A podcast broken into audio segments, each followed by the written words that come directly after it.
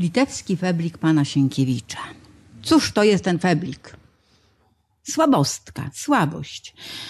Litewskość naznacza wiele jego utworów. Nawet latarnika, choć główna postać noweli, Skawiński jest koroniarzem. Z pewnością wspomnienie z Maripozy i dzwonnika, których bohaterowie wywodzą się z Litwy, a wśród powieści potop, krzyżaków, a nawet wiry.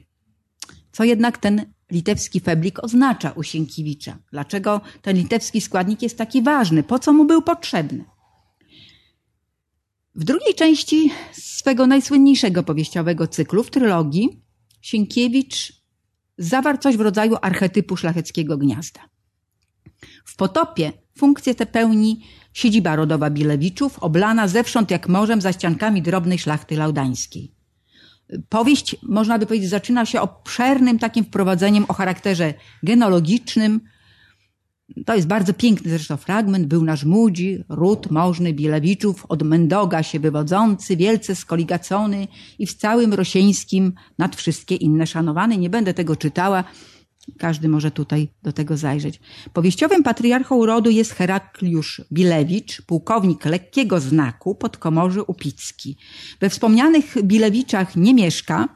Należały do niego Wodokty, Lubicz, Mitruny leżące w pobliżu Laudy. W siedzibie rodu w Bilewiczach mieszkał z rodziną jego syn Tomasz, miecznik rosieński z rodziną. W testamentowym zapisie dziad Herakliusz postanawia o losie swojej jedynej wnuczki i córki Tomasza Oleńki. Pragnie, by ta los swój na zawsze złączyła z synem przyjaciela, miecznika orszańskiego Jędrzejem Kmicicem, chorążym orszańskim. Gdyby nie było to możliwe, a wyznaczony kawaler reputację swą szpetnymi uczynkami spaskudził, panna ma iść do klasztoru. I tak zarządziwszy, że tak powiem, progeniturą, zmarł. Nawet przewidział, że Andrzej Kmicic może zostać sierotą. I rzeczywiście tak jest.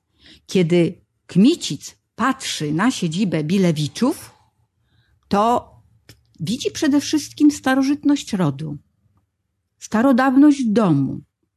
Nie widzi tu bogactwa, nie widzi tu blichtru, widzi rodzinę. Dawność, wtopienie w krajobraz, bliskość dworu, oficyny, ujętej w znak podkowy. No, zwyczajny taki symbol ludzkiego szczęścia.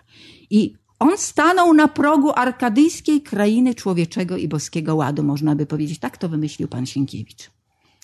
Rzeczywista Lauda, od której zaczyna się ta powieść, jest nazwą terytorium na Litwie, etnicznej, ale także nazwą zbiorczą szlachty polskiej, zamieszkałej nad rzeką o tej samej nazwie, dopływem niewiarzy.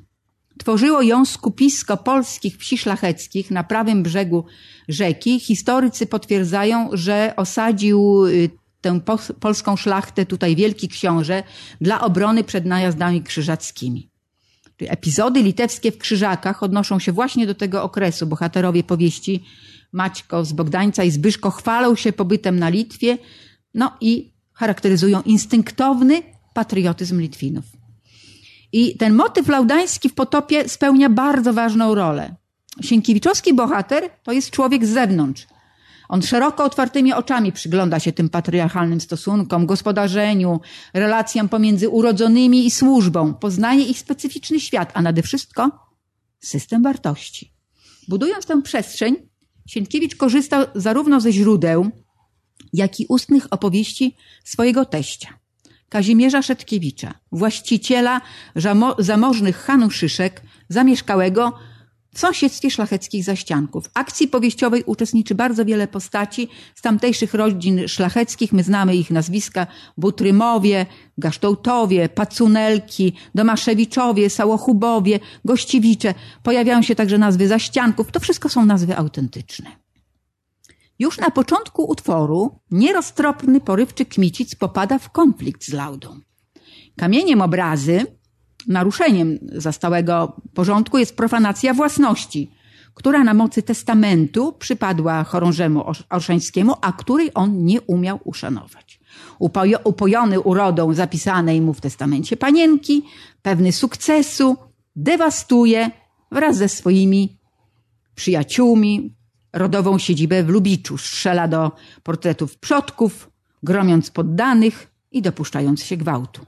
W odwecie szlachta laudańska dokonuje na kompanach Kmicica samosądu. Jego samego zaś ocala Oleńka, ale konflikt się zaostrza, gdy oszalały z gniewu i żalu podpali Wołomontowicze i porwie pannę. Odbiją ją laudańscy znowu pod wodzą Wołodyjowskiego. Tak się kończy pierwsza część powieściowego konfliktu, która nieoczekiwanie zawiązuje się na naszych oczach. I to wszystko jest jakby nie tak, prawda? Bo zamiast pieśni weselnej, zamiast szczęścia od razu na początku mamy konflikt. Bohaterowie stają po przeciwnych stronach, a mogli być razem. W dalszych częściach ta chorągiew laudańska aktywnie włączy się w wojnę ze Szwedami. Najpierw ujrzymy ich na Podlasiu, a później w dywizji Czarnieckiego i pod jego komendą i pod Pawłem Sapiechą.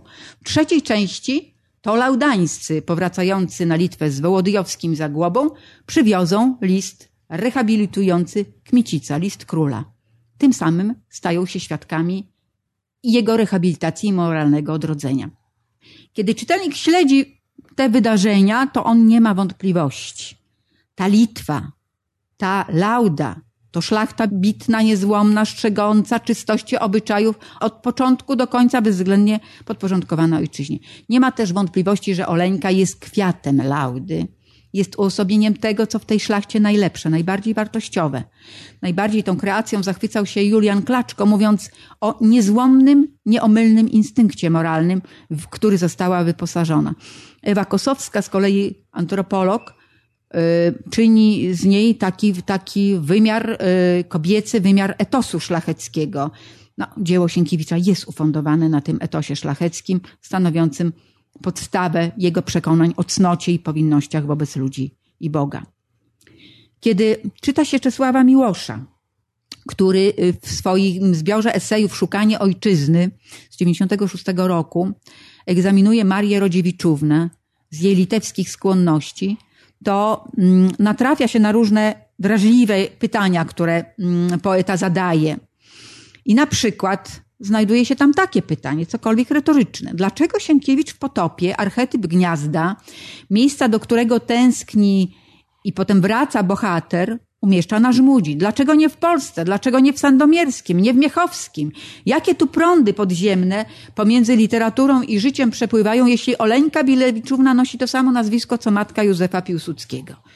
I czy literatura nie idzie za dość powszechnie przyjętą legendą o Litwie jako mateczniku staroświeckich cnót? No to są pytania retoryczne. Odpowiedź poeta przecież zna bo ona ma wytłumaczenie historyczne. Od kroniki litewskiej Macieja Stryjkowskiego bierze się ta legenda. Później sprzyja jej romantyczna mitologia Wilna i Litwy. Mm. Litwa zawsze jakby była takim miejscem, takim gniazdem tego polskiego patriotyzmu, polskiego i litewskiego jednocześnie.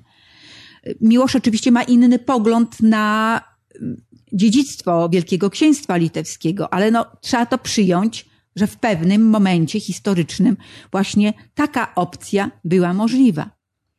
I tylko wyjątkowo Miłosz zgadza się z Sienkiewiczem, kiedy mówi w tej swojej książce o Rodziewiczównie. Sienkiewicz nie fałszuje, kiedy sławi patriotyzm i bitność szlachty laudańskiej, wiernie służącej królowi w wojnie przeciwko Szwedom. Ma też podstawy, żeby jej patriotyzm nazywać polskim. Z całej Litwy w naszym stuleciu najbardziej polskie były zaścianki Laudy. Sienkiewiczowskiej inklinacji ku Litwie jednak to jeszcze nie objaśnia. Możemy zacząć od początku, od Litwosa. Czyli jak Litwos to z Litwy, Sienkiewicz swój żywot pisarski poprzedza publicystyczną uwerturą. I ona się wiąże z pseudonimem Litwos. Skąd to się wzięło, prawda? Naturalne pytanie. Urodził się na Podlasiu. W liście do Godlewskiego pisze jasno. Podlasie to jest sobie Podlasie. Piasek, woda, błoto, lasek. Stwórz sobie z tego krajobraz. No właśnie, czy ten krajobraz to już Litwa? Nieopodal od tego miejsca urodzenia, również na Podlasiu, w siedzibie rodzinnej swoich dziadków, Romanowie, dzieciństwo spędził Józef Ignacy Kraszewski. On nie ma wątpliwości, że jest Litwinem. Józef Bachów pisze tak. To jasne, że Kraszewski uważał się za Litwina. Tak jak Mickiewicz, jak Choćkowie, jak Syrokomla i wielu innych rówieśnych zakorzenionych w dawnym Wielkim Księstwie. Bo jego Litwa, gdyby ją rozpatrywać w kategoriach geograficznych, rozciąga się jak w Rzeczpospolitej obojga narodów od Polesia na południu po Kurlandię na północy i od Podlasia na zachodzie po Witebszczyznę na wschodzie. W wyniku podziałów administracyjnych po 1815 roku włości jego ojca, Kraszewskiego, Dołchę, y, koło Białej, zostały rozdzielone. Zachodnia część tego, tam gdzie znajdował się Romanów, wcielona została do królestwa, ale no, on nie ma wątpliwości. Jak jest z Sienkiewiczami? Z Sienkiewiczem i Sienkiewiczami, bo przez N też można pisać to nazwisko, sprawa wyglądała jeszcze inaczej. W familii rozrośniętej i starodawnej funkcjonowała legenda, iż jej początki biorą się z Litwy. Męska gałąź, wywiedziona z Tatarów litewskich, na Litwę trafiła ponoć już w XVI wieku, w wieku XVII uzyskując tytuł szlachecki po latach spędzonych w służbie Rzeczpospolitej. O litewskości świadczyć miał herb Oszyk, odróżniający tę gałąź rodziny od jej części rusińskiej, która mianowała się Sieniutą. Potem stopniowo Sienkiewiczowie pojawiali się i w innych częściach kraju. Dziadek pisarza w okolicach Rajgrodu, Augustowskie, potem w Radomskiem, gdzie udał się za pracą. Ojciec pisarza zawędrował na Podlasie, gdzie resztki fortuny roztrwoniwszy, ostatecznie, jak to się mawiało w XIX wieku, dzierżawami chodził. Henryk pojawia się na świecie właściwie w czasach wielkiego kryzysu. Ta rodzina już jest zmuszona porzucić dotychczasowe siedziby, no i wyjść do miasta. Na ziemi nie ma już dla niej żadnej przyszłości. W taki sposób oto trafiają do Warszawy i tak kończy się nieświetnie ich szlachecka Odyseja. Litewskie korzenie miała też żeńska część rodziny przyszłego pisarza, Cieciszowscy, herbu Kolumna, spokrewnieni z najlepszymi nazwiskami Litwy, Dmochowskimi, Lelewelami, Łuszczewskimi. Tu przeszłość rodu była rzeczywiście znacząca, bo, bo mm, tutaj mm, bardzo ciekawe można byłoby znaleźć y, historię tam byli i senatorowie, i, i ludzie, y, y, którzy są bardzo y, dla Polski zasłużeni. Na temat używanego przez pisarza pseudonimu Andrzej Rataj napisał. Nie jest to, jakby się wydawało, spolszczony Lietuwis, czyli Litwin po litewsku. Wyjaśnienie tkwi zapewne w epizodzie z czasów dziecinnych opisanych w rozmowie z Ferdynandem Hesikiem. To jest taki wywiad na początku XX wieku, którego udzielił Sienkiewicz i którym mówi, że znalazł na strychu kufer z książkami, w których byli pisarze z XVI i XVII wieku. No i tam musiał być prawdopodobnie Stryjkowski, wspomniany przeze mnie, ta kronika litewska. I właśnie w tej kronice litewskiej, wśród pierwszych władców Litwy, znajdujemy taki oto fragment. Teć są imiona synów Wejdenuta, pana pruckiego i udziały ich albo ziemice od ich imion nazwane. Był dwunasty syn Litwos z Litewki narodzony. Wybór ten, tego pseudonimu nie jest więc w żadnym razie przypadkiem. Kto jednak jest dzisiaj w stanie udowodnić, co tu okazało się decydujące? Czy rodzinne tęsknoty do wyobrażonego, a nieistniejącego gniazda, czy fantastycznie wpasowujący się w te marzenia fragment z tej kroniki? Pokolenie Sienkiewicza i następne, wszystkie te wysadzone z siodła, zmuszone do zmiany swojego stylu życia, trawi kompleks ziemi i krwi to przecież nie jest tylko jego problem. Ulegają mu niemal wszyscy. I Orzeszkowa, i Brzozowski. Tylko, że czynią z tego kompleksu zupełnie coś innego. Brzozowski, Naukowski, ciężar, z którego trzeba się rozliczyć. U Orzeszkowej powinność patriotyczną lub mit. Tak jak to się dzieje właśnie u Sienkiewicza. Teraz możemy wrócić do Oleńki, bo Oleńka tu jest postacią kluczową. Najtrafniejszą, skrótową charakterystykę bohaterki potopu daje w opublikowanym w 1988 roku do Tarnowskiego Julian Klaczko. I w tym liście Klaczko pisze o Oleńce tak. Instynktem niewieścim jest jasnowidzącą wśród tumanów politycznych namiętności i zawikłań. Instynktem odgaduje, gdzie prawda, gdzie obowiązek, gdzie świętość. Milczeniem tylko wymowna tego lwa kmiecica potężnie uderza oczyma, w których się cały moralny błękit nieba przebija. To jest dopiero cytat, prawda? Sienkiewicz, mówi Klaczko, w Oleńce wyrzeźbił to, co romantycy tylko zaznaczyli w swoich kreacjach.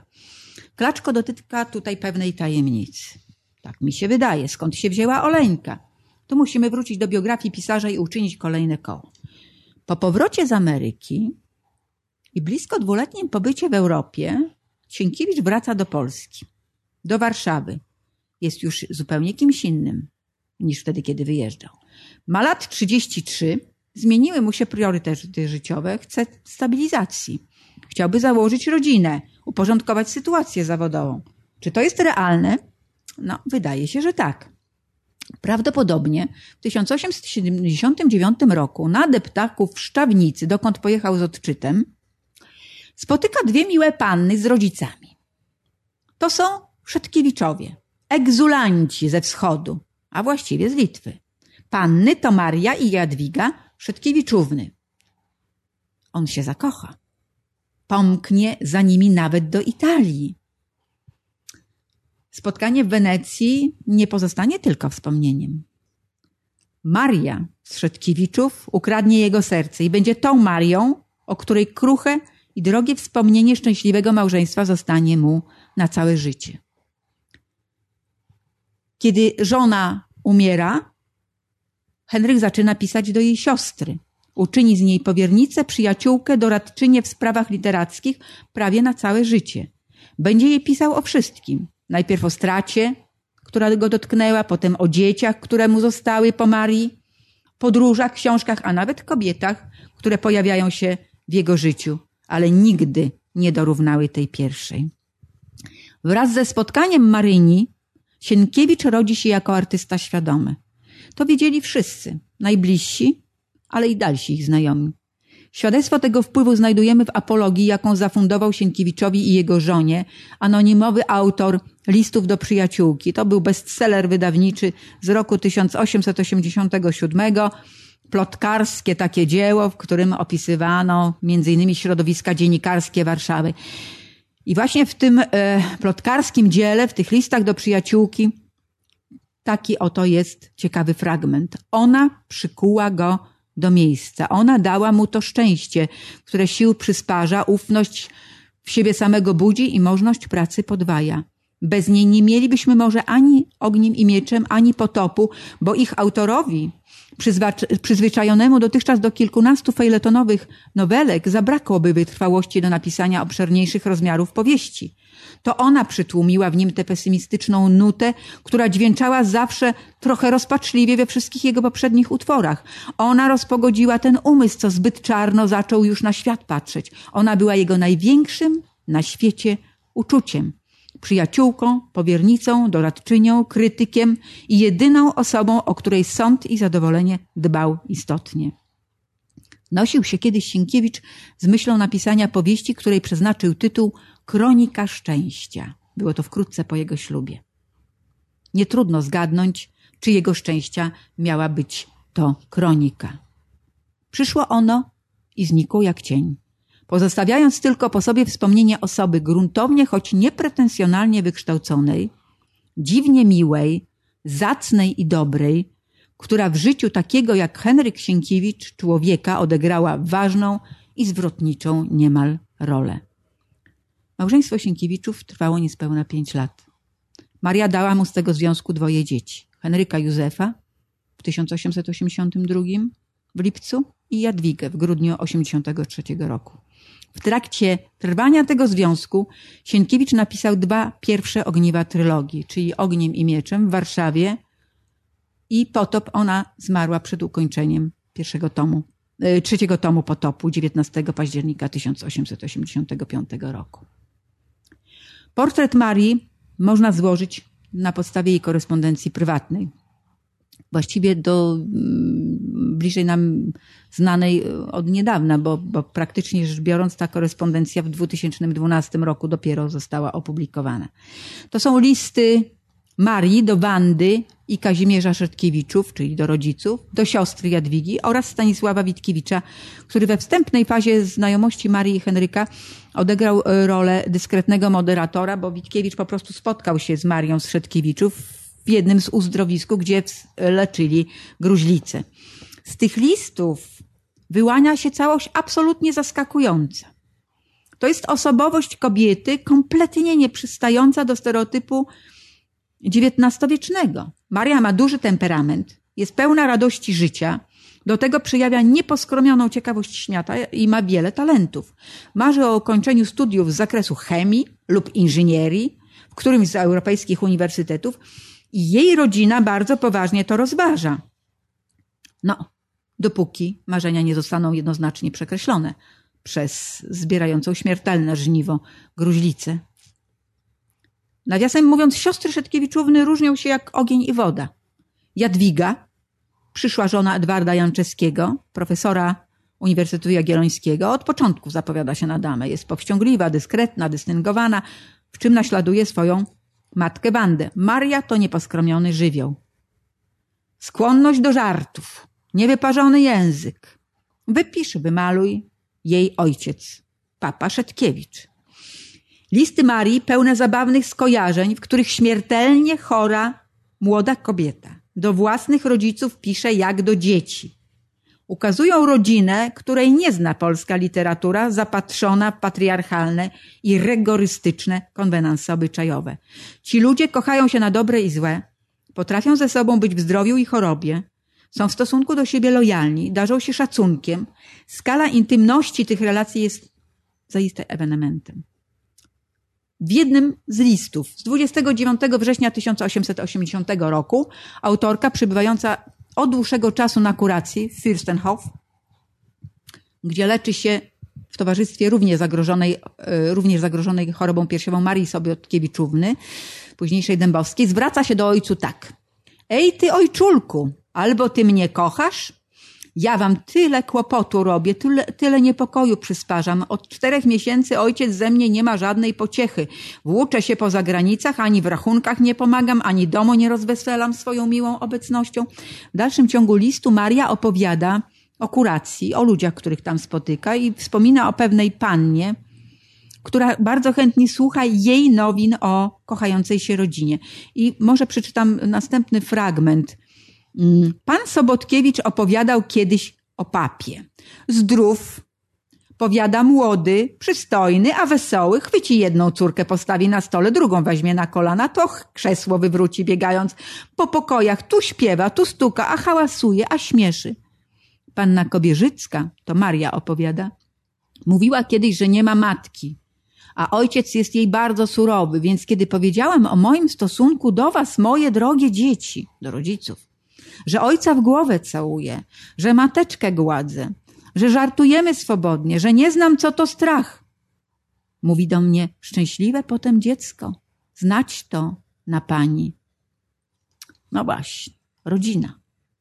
Maria z pewnością jest prototypem kobiecych postaci Sienkiewicza. Z pochodzenia, stanowczości i autorytetu przypomina Oleńkę. Z żywiołowości i pogody ducha Baśkę Wołodyjowską, popularnego hajduczka. Dodajmy jeszcze i to. Wraz z tym małżeństwem i tą rodziną Sienkiewicz wchodzi w inny świat. I tu muszę trochę powiedzieć o tych egzulantach, jakich nazwałam, o Szetkiewiczach. Szetkiewiczowie na Litwie byli posiadaczami ziemskimi. E, w Królestwie Polskim, dokąd trafili w wyniku represji popowstaniowych, Zresztą dosyć niejasne są te okoliczności, bo nie jest powiedziane, że Kazimierz Szetkiewicz wziął udział w powstaniu. Być może odmówił wykonania jakiegoś rozkazu, podporządkowania się czegoś i być może bez sądu zupełnie trafił na um, zesłanie. W każdym bądź razie trafił na zesłanie, skonfiskowano im ogromny majątek na Litwie. No i on z tego zesłania kilkuletniego to jest pobyt pod Uralem, Kazań, Niżny Nowgorod, Riazań. Pisze do rodziny cały czas. Jak się czyta te listy, to to jest coś takiego, to niemożliwe, żeby to były listy zesłania. To jest zaprzeczenie tego, co jest e, nazywane narracją martyrologiczną. Bo Kazimierz Szetkiewicz na zesłaniu pogodę ducha uważa za najważniejszą rzecz na świecie. Do żony pisze duszuniu lub wędziuniu do córeczek hultajeczki moje. A jego listy pełne są konceptów humoru i anegdot. Sentymentalny i smutny humor wypędziłem na mróz, bo tak dalej zaszkodziłby mi na zdrowiu i ty byś się martwiła. O co jest? Pisze w 63 roku z Belebeja. Albo w innym liście. Tęsknota kąsa człowieka gorzej od robactwa i na nią nie ma proszku perskiego. Walczę jak mogę i jak w karnawale chodzę w masce, każdemu się zdaje, że jestem wesoły, lekki i płochy, że o nic nie dbam. Szedkiewicz potrafi żartować z siebie, z zesłania, okoliczności, ze wszystkiego. Często dokonuje żartobliwego rachunku sumienia. Droga Wandziuniu, uwiadamiam cię, że jestem zdrów, hulta jak zawsze i nic dobrego. Albo żyłkę szulerską karmię maleńkim preferansikiem. I tak śpiewam w ten czas piękne opery, że wczoraj aż przyszli od drugiego stolika prosić, żebym przestał. Mój partner, jakiś miły staruszek kulwieć, wturował mi kozim głosem. Ten płochy ton w tych listach nie należał bynajmniej do błochego człowieka. Kazimierz Szetkiewicz to nie jest jakiś chreczkosiej.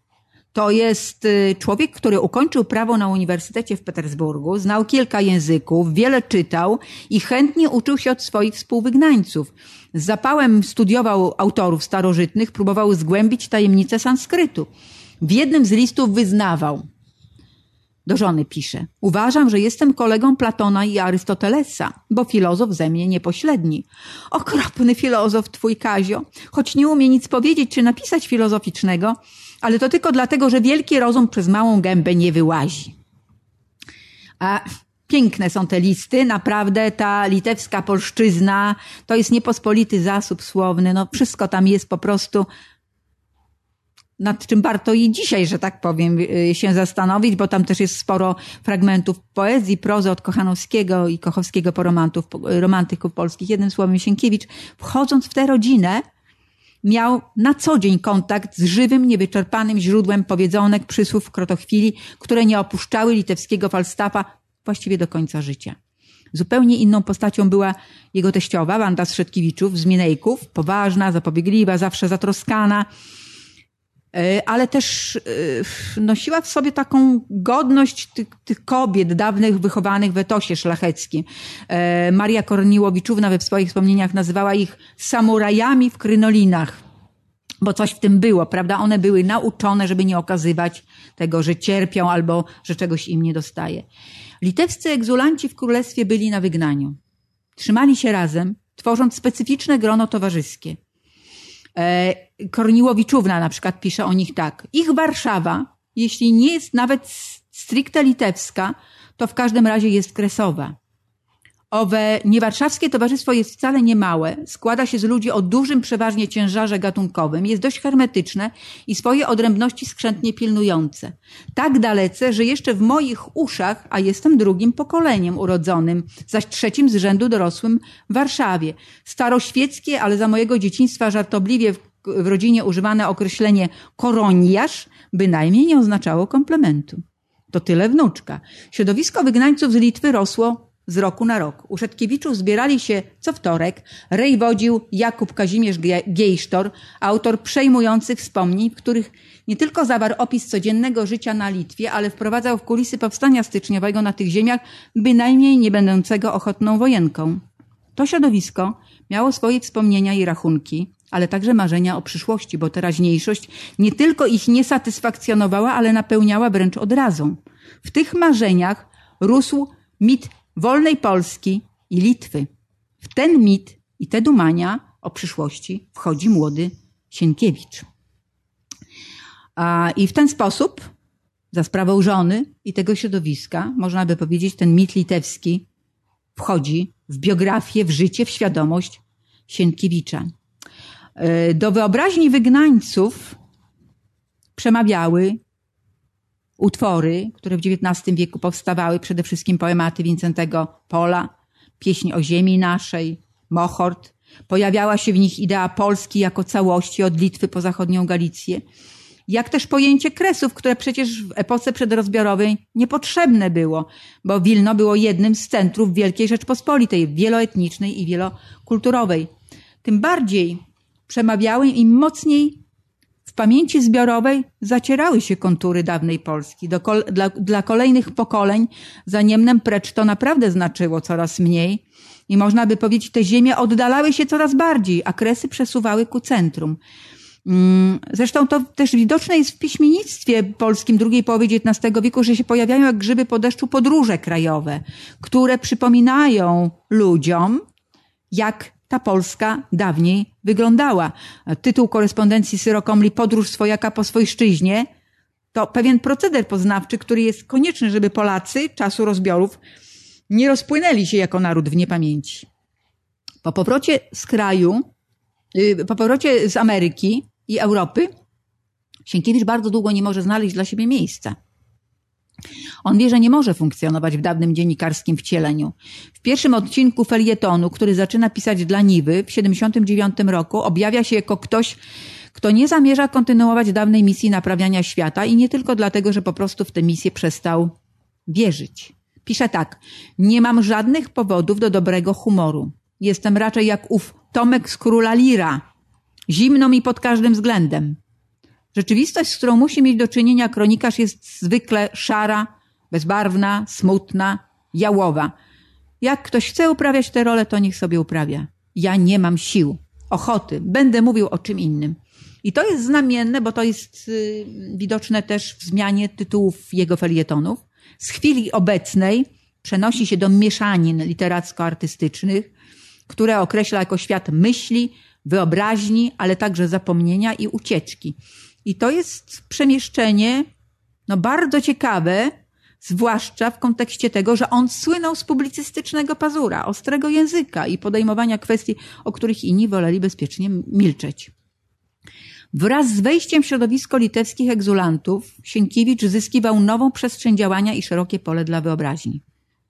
Jakby mu kto okno na świat otworzył, pisze Maria Korniłowiczówna. Świat przeczuwany już przedtem, a teraz mieniący się wszystkimi kolorami tęczy. Świat Rzeczpospolitej obojga, hm, trojga narodów. Zatętnią dzikie pola, zaszumiał puszcz litewskich przepastne krainy. Zostanie wreszcie zapełniona luka, jaką w polskiej literaturze, cały czas cytuję Korniłowiczówną, a więc i kulturze, był brak średniowiecznych eposów rycerskich, owych pieśni kodeksów na zachodzie zwanych sagą, a na wschodzie byliną. Ich dziedzictwo pisarz przyjmuje z całym bogactwem inwentarza, na dobre i złe. W ukształtowanych wtedy wyobrażeniach, z których wysnuje własny litewski mit o starodawnym rycerskim pochodzeniu swojego rodu, rozpozna się jak w gospodarstwie własnej duszy. Czerpać będzie z niego inspiracji, jakby odezwała się w nim jakaś pamięć genetyczna niemal do tej pamięci genetycznej. Także współcześni pisarze się czasem przyznają. Bez tego prywatnego w istocie mitu, mitu litewskiego, trudno sobie wyobrazić trylogię. Antoni Potocki pisał w 1912 roku, iż w latach 80. naród polski stworzył samego siebie. No to o czym on pisze? W tym samym czasie Witkiewicz przypominał z boleścią, że w czasach, kiedy Sienkiewicz rzuca pierwsze strony swojej powieści, trylogii, alternatywą jest tylko walenrodyzm lub znikczemnienie. Jej szalone powodzenie, odrodzeńczy impuls, który zaczerpano, potem zaś jej długie trwanie w świadomości społecznej, to już jest kwestia utrafienia pisarza w zapotrzebowanie społeczne, rodzaj przeżycia zastępczego, które nieświadomie zafundował wszystkim, którzy nie odnajdowali się w teraźniejszości. Bo przecież w latach 80. pozytywiści już nie istnieją w sensie grupy generacyjnej. Forum polityczne jednak nie jest puste. Tam się pojawiają nowi gracze, młodzi y, liberałowie, to jedno, ale też neokonserwatyści, do których Sienkiewicz wraz z zasileniem redakcji Niwy, czy chciał, czy nie chciał, zgłosił akces.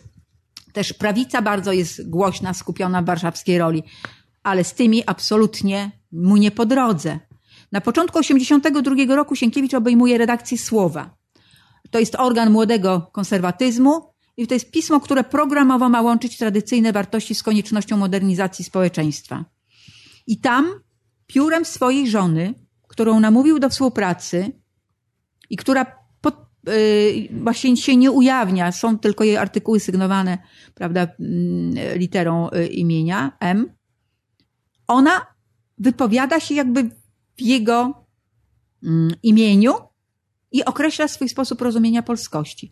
To jest słynna polemika ze Spasowiczem. Spasowicz to jest krytyk literacki, który bardzo wyraziście deklarował się jako zwolennik ugody z Rosją. polemistka wiedziała zresztą, z kim wchodzi w polemiczne szranki, bo Spasowicz był graczem bardzo zręcznym i bardzo skutecznym. Po prostu był dobrym krytykiem. I ona polemizuje przede wszystkim z jego analizą poezji Syrokomli i Wincentego Pola, którego w pewnym momencie, no wręcz mm, niebezpiecznie zrównuje Spasowicz z prozą pamiętnikarską Marcina Matuszewicza. No jak wiadomo, w XIX wieku bardzo dużo źródeł historycznych wydano. No każdy mógł zajrzeć do, do tego Matuszewicza i wiedział, kto to jest. Ale Spasowicz tak to zręcznie zmanipulował w swoim tekście, że te zarzuty estetyczne, że niezbyt są krytyczni, jeśli chodzi o przeszłość i tak dalej, no, przekuwał w taki atak społeczny i polityczny. I Maria mm, tutaj bardzo odważnie mówi tak, no ja zgadzam się na to, że uproszczone jest pojmowanie historii u Syrokomli, ale nie można tak manipulować wrażeniami, uprawiać jakieś gry półsłówkami, a tym bardziej wmawiać czytelnikowi, że ci pisarze są na tym samym poziomie. Że Syrokomla czy Pol to są bezkrytyczni gloryfikatorzy szlachty. I wtedy padają bardzo znamienne słowa. Chrystusować przeszłość jest przesadą, ale nazwać ją jawnogrzesznicą jest nie mniejszą. I choćbyśmy zgodzili się na to, że dzięki mesjanizmowi mieliśmy głowę w obłokach, to drugi kierunek może przez niebaczność wytrącić nam podstawę spod nóg. Co to jest ten drugi kierunek? To jest ta ugoda, to jest ta, ta prawda, mm, podporządkowanie się. I tu padają najważniejsze słowa. Musimy stać na tym, co jest nasze. Inaczej przyjdzie spaść gdzieś za nisko, bo aż do stosowania się w trzecim czy czwartym pokoleniu do nowych zewnętrznych warunków, zamiast dążyć do wytwarzania nowych, pomyślniejszych. To są bardzo odważne słowa. One są napisane pod cenzurą, to trzeba pamiętać, ale to jest wytknięcie manipulacji.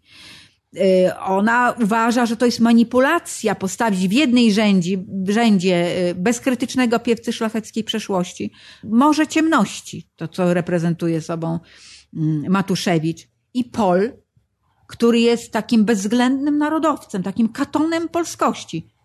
To jest po prostu nadużycie, to jest horrendum. I pisze Maria tak. Tajemnica wpływu Pola na współczesnych dla nas nie jest tajemnicą. I nie mówiąc o krytyku, czyli Spasowiczu, śmiało możemy przypuszczać, że ten tylko nie może sobie tego wpływu wytłumaczyć, kogo teraźniejszość zadawalnia zupełnie. W tradycji ludzie widzieli tyle złego, ile i Pol sam. Ale faktem jest, że tylko ta przeszłość nam pozostała. Pol nauczył nie tylko współczesnych, ale i przyszłe pokolenia kochać przeszłość i jako taki ma ogromne znaczenie dla krytyki historycznej.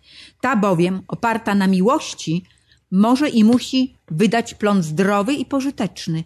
Inaczej doprowadziłoby to do wielkiego nihil i w sensie społecznym usunęłoby podstawę spod nóg narodu. Ja to podkreślam nawet tutaj to czytając, bo to jest bardzo istotna sprawa. To jest przedziwna symetria pomiędzy Sienkiewiczem i jego żoną. To jest, to jest tekst, który jest jeszcze przed rzuceniem, prawda, e, e, trylogii e, czytelnikowi. Mit Wielkiego Księstwa Litewskiego w latach 80. miał nie tylko charakter mitu literackiego. Oznaczał pewien etap dojrzałości, dojrzałości świadomości narodowej. Historycy mówią tak, że już wtedy zarysowały się formy korelacji pomiędzy najwcześniej uformowanym poczuciem odrębności litewskiej Polonii i budzącą się świadomością Litwinów, Białorusinów. Wszyscy oni w równym stopniu korzystają z symbolicznego potencjału literatury, a na dodatek z tych samych autorów. To jest Kraszewski, Syro, Komla, Pol, Mickiewicz, prawda? To jest ta sama pożywka. Wszyscy oni mitują jakby swoje wartości w tych tekstach. No nic dziwnego, że Litwini swój hymn narodowy wyraźnie wzorują na mickiewiczowskiej inwokacji.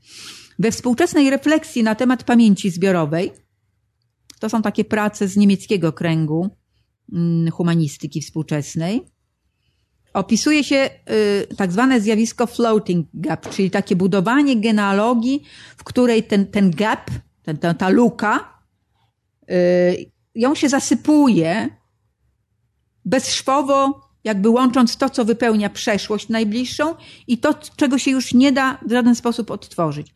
I w tym procesie budowania przekonań o grupie, do której się należy, mówi się o pamięci komunikatywnej. To jest pamięć, która jakby służy komunikacji, na przykład w obrębie pokoleń. Ona istnieje no, mniej więcej do czterech pokoleń, bo w ciągu tych czterech pokoleń, tych 80 lat, prawda, tego sekulum, jak to u Rzymian było, no, według Biblii jeszcze odczuwamy wspólną winę, na przykład za coś, co się stało, prawda? A drugi rodzaj takiej pamięci, który tutaj jest wyróżniany, to jest tak zwana pamięć kulturowa. Ten drugi rodzaj pamięci to jest taki rodzaj, który przekracza indywidualny charakter pamięci pierwszego typu, w którym najważniejszą rolę pełnią doświadczenia indywidualne. W pamięci kulturowej, e, która jest nakierowana na przeszłość, bardzo ważny jest sposób przechowywania który nie obywa się bez symbolicznych figur, opowieści, wyobrażeń, uruchamianych podczas wspólnie obchodzonych świąt, rytuałów i różnych, prawda, tego typu rzeczy. I tu pojawia się miejsce dla mitu jeden z najważniejszych właśnie teoretyków tej pamięci kulturowej, Jan Asman, definiuje tak. Mit jest historią założycielską, którą się opowiada, aby objaśnić teraźniejszość z perspektywy prapoczątku. Takim mitem jest na przykład eksodus narodu żydowskiego z domu niewoli z Egiptu. To jest fundacyjny mit Izraela. Przykład też zresztą wskazuje na, na, na, taki związek mitu z sakrum. A z drugiej strony on ma bardzo silny związek z tożsamością. Przez odniesienie do przeszłości ustanowiona zostaje tożsamość wspominającej grupy. Tożsamości zbiorowe zawsze mają w sobie coś odświętnego i niepowszedniego. One są jakby na wyrost skrojone. Czyli można powiedzieć tak, że ta pamięć komunikatywna jest warta, jest po prostu ważna dla przetrwania. Jest ona dostępna dla wszystkich, o ile korzystamy z tych samych symboli, z tego samego kodu kulturowego, a wytwórcami tego kodu są pisarze. No, między innymi Sienkiewicz, prawda? Czyli jego mitotwórcze skłonności jakby obsługują w pewien sposób trwałość naszej tożsamości. Sienkiewicz, który z ręby swojej litewskiej wizji zbudował narodowej legendzie, w latach 80. Właściwie wytrwał w, w tym do końca. Stała się ona fundamentem i zapleczem jego poglądów politycznych. To one w zasadniczy sposób zadecydowały o tym, w jaki sposób pojmuje on przemianę, jakiej na początku XX wieku, zwłaszcza po wstrząsie, jakim była rewolucja 1905 roku, podlegają światopoglądowe opcje narodowe wspólnot, lokowanych pod szyldem Wielkiego Księstwa Litewskiego. Dzisiaj emancypujących się w ramach nowych geopolitycznych projektów i społecznych przetasowań. W jednej ze swoich późnych nowel, Dzwonniku, to jest nowela napisana w 90, 1907 y, roku, y, odwołującej się do autentycznych przeżyć, pisarz przedstawia starego Litwina, wygnanego z ojczyzny po powstaniu styczniowym. Starzec żyje od lat w koronie, ale jednak nie wyzbył się nie tylko śpiewności swojej mowy, ale i gorącego uczucia do ojczyzny. Z tęsknoty wysyła tej ojczyźnie pozdrowienia głosem kościelnych dzwonów. Te dzwony noszą imiona bliskich i kochanych. Narratorowi w, tym, w tej noweli, w którym bohater rozpoznał twórcę potopu, czy można powiedzieć, że Sienkiewicz sam występuje w tej swojej noweli, e, ów dzwonnik opowiada o sporach z siostrzeńcem z Grodna, który jest zwolennikiem litewskiej niezależności. Podobne jakby problemy usłyszymy w wirach, które są pisane mniej więcej w tym samym czasie. Przypominam, to jest rok 1907. I w wirach doktor Szremski właśnie w tej sprawie niezależności, emancypacji wypowiada bardzo gniewne sądy na temat dążeń krajowców, czyli tych ludzi, którzy no, bardzo chcą się wyemancypować. Yy, no i to jest taki dosyć ostry, że tak powiem, e, fragment, bo on dotyczy tego, no, wyrzeczenia się polskiej kultury. E, że Sienkiewicz nie jest odosobniony w, w takim sposobie rozumienia tej emancypacji. E, przekonać się można, no, czytając specjalny numer tygodnika ilustrowanego z 1907 roku. To jest cały taki numer poświęcony Litwie dedykacja tego numeru tygodnika ilustrowanego jest już że tak powiem, mówi sama za siebie. Litwie, Zygmuntów, Litwie Kazimierzów, świętych Rejtanów, Kościuszków, Mickiewiczów, siostrzanej, współofiarnej i współbolejącej, Litwie ufnej, kochającej i wiernej, na znak pięciowiecznych, niezłomnych ślubów. Zeszyt ten poświęcamy. I w tym numerze teksty Konopnickiej, Sienkiewicza, Jeleńskiej, Balińskiego, Mościckiego, obrazy Ruszczyca, a nade wszystko bardzo poruszający tekst Bolesława Prusa o wymownym tytule Wszyscy za jednego. I tutaj Prus pisze o tym, jak to się w ogóle dzieje, że Polacy kochają Litwę i Litwinów. I pisze Prus tutaj o wspólnocie pamięci historycznej. No to jest tak, ten fenomen Litwy, to zakochanie nasze w Litwie, to jest dlatego, że jakby no, nasz byt jest z Litwą związany od samego początku. Że my e, widzimy w Litwinach to, czego często nie widzimy u siebie. Że ten polski patriotyzm w wydaniu litewskim jest jakiś bardziej czysty, jest jakiś lepszy, jest może większy. I pisze mm, Prustak na koniec. Mimo tych wszystkich kłótni, My Polacy nie mamy na świecie wierniejszych braci. Kochaliśmy Francuzów. Z Węgrami byliśmy dwa bratanki. Marzyły nam się sympatie Anglików, Amerykanów, Włochów. Lecz tak naprawdę mamy tylko dwóch bratanków, dwóch sprzymierzeńców. Polskiego Litwina i Ruś, która mówi po polsku.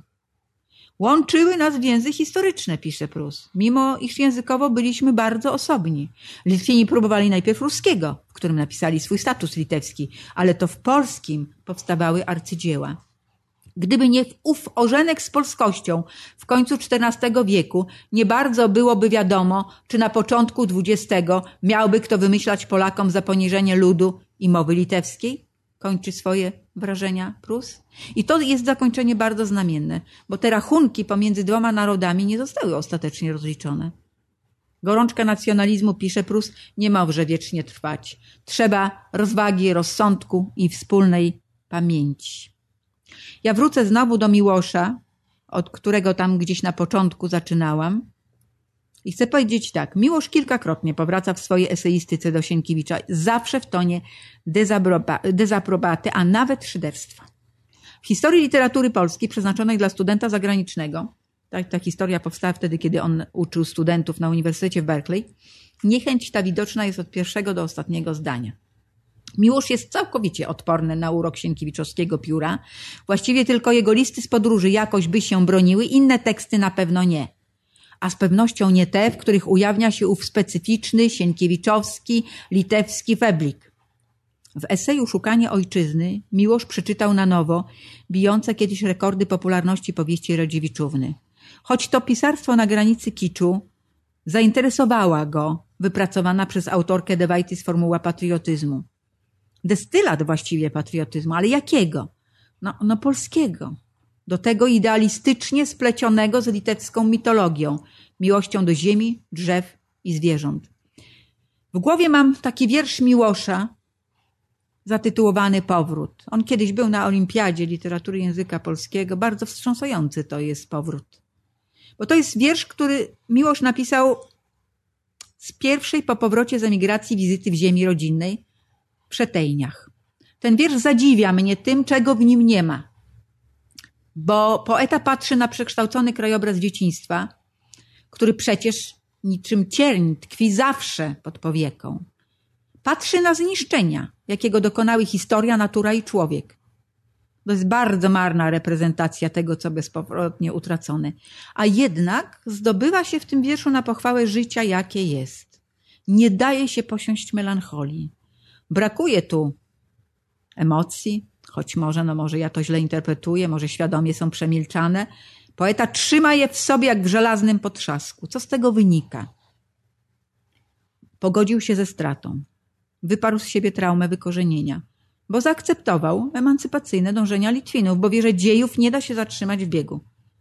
Poza tym poeta to jest ptak wędrowny, który może być wszędzie. On jest silny wyobraźnią, a ta z nim jest zawsze, o ile on chce, żeby była na każdym miejscu. W pewnym sensie to jest także przypadek Sienkiewicza. I nie tylko dlatego, że właściwie stale przez całe swoje życie był w podróży. Nie urodził się na Litwie, a jedynie stworzył w swoim umyśle jej ekwiwalent. I pewnie dlatego, że to przestrzeń nieistniejąca, literacka wizja okazała się tak silna. Czy mityczna? Z pewnością jest to jego mit prywatny, a w tym sensie również trybut pamięci dedykowany zmarłej Marii. Co do Litwy realnej, wiele mówią o jego przywiązaniu konkretne działania. W ostatnich latach swego życia, niosąc pomoc rodakom poszkodowanym w wyniku wojny, nie zapomniał o braciach Litwinach, bo i dla Litwinów ta pomoc była przeznaczona. Co do przyszłości, nie wiemy jednak, jaką dla Litwy wymarzył. Czy federacyjną, jak Piłsudski, taką jak była dawniej, jak na przykład Stanisław Mackiewicz, a może taką, jaką zaakceptowałby jednak Miłosz? Tego już jednak nie wiemy.